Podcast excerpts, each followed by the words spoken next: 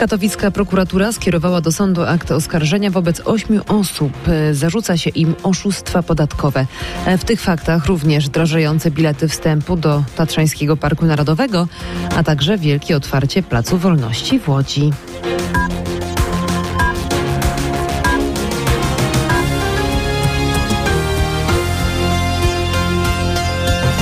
Na początek tego wydania jednak informacje ze wschodu.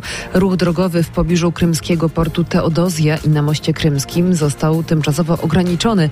Ogłosili to rosyjscy urzędnicy na okupowanym Krymie po doniesieniach o kilku potężnych eksplozjach w tym rejonie, o których już mówiliśmy w faktach. Dzisiaj portal ZN poinformował też, że w Teodozji na południowo-wschodnim wybrzeżu doszło do właśnie potężnych eksplozji. Według naocznych świadków eksplozje słychać było na terenie składów ropy i portu morskiego, które okupanci wykorzystują do celów wojskowych. Osiem osób zostało oskarżonych o oszustwa podatkowe. Prokuratura Okręgowa w Katowicach skierowała do sądu ten akt oskarżenia. Łącznie zarzucono im popełnienie 22 przestępstw. A jak działali oszuści, o tym nasz reporter Marcin Buczek.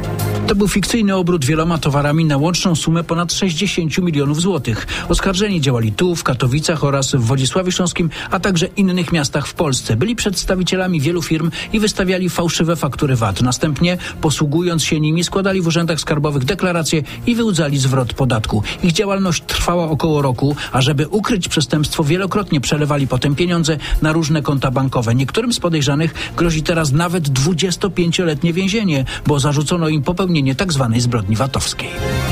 Bilety wstępu do Tatrzańskiego Parku Narodowego podrożały. Od nowego miesiąca turyści za jednodniową wejściówkę zapłacą 10 zł, czyli o złotówkę więcej. Cena ulgowego biletu to 5 zł. Te opłaty wydaje się, że niewielkie, a jednak pomagają sfinansować obsługę mobilnych toalet, pokrywają koszty sprzątania i remontów szlaków. Poza tym, co ważne, 15% wpływów jest przekazywane na działalność ratowniczą Tatrzańskiego Ochotniczego Pogotowia Ratunkowego.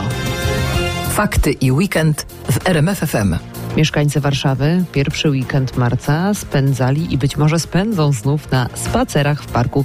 Nasz reporter Michał Dobrołowicz dołączył do nich wczoraj w Łazienkach Królewskich. Panie już czują wiosnę dzisiaj na spacerze? No, oczywiście, że czujemy. Koleżanka specjalnie nałożyła okulary, żeby bardziej dostrzec. Okulary przeciwsłoneczne? No, oczywiście, że tak. To gdzie ta wiosna jest? Bo to pierwszy weekend marca. Wszędzie. Serco mamy, my od rana czujemy wiosnę. Panie mają szalik, ciepła kurtka.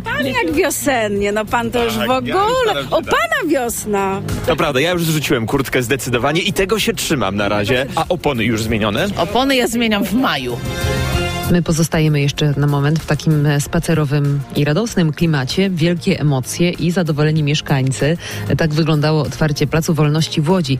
Świętować można było zwiedzając na przykład za darmo muzea zlokalizowane przy placu.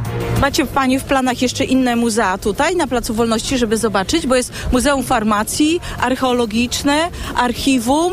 Nie wiem, jeszcze pewnie o jakimś zapomniałam. Tutaj podobno jeszcze można do tego e, Black World wejść. Przekonać się, jak wygląda świat osób niewidomych. Tak, tak, e, dokładnie.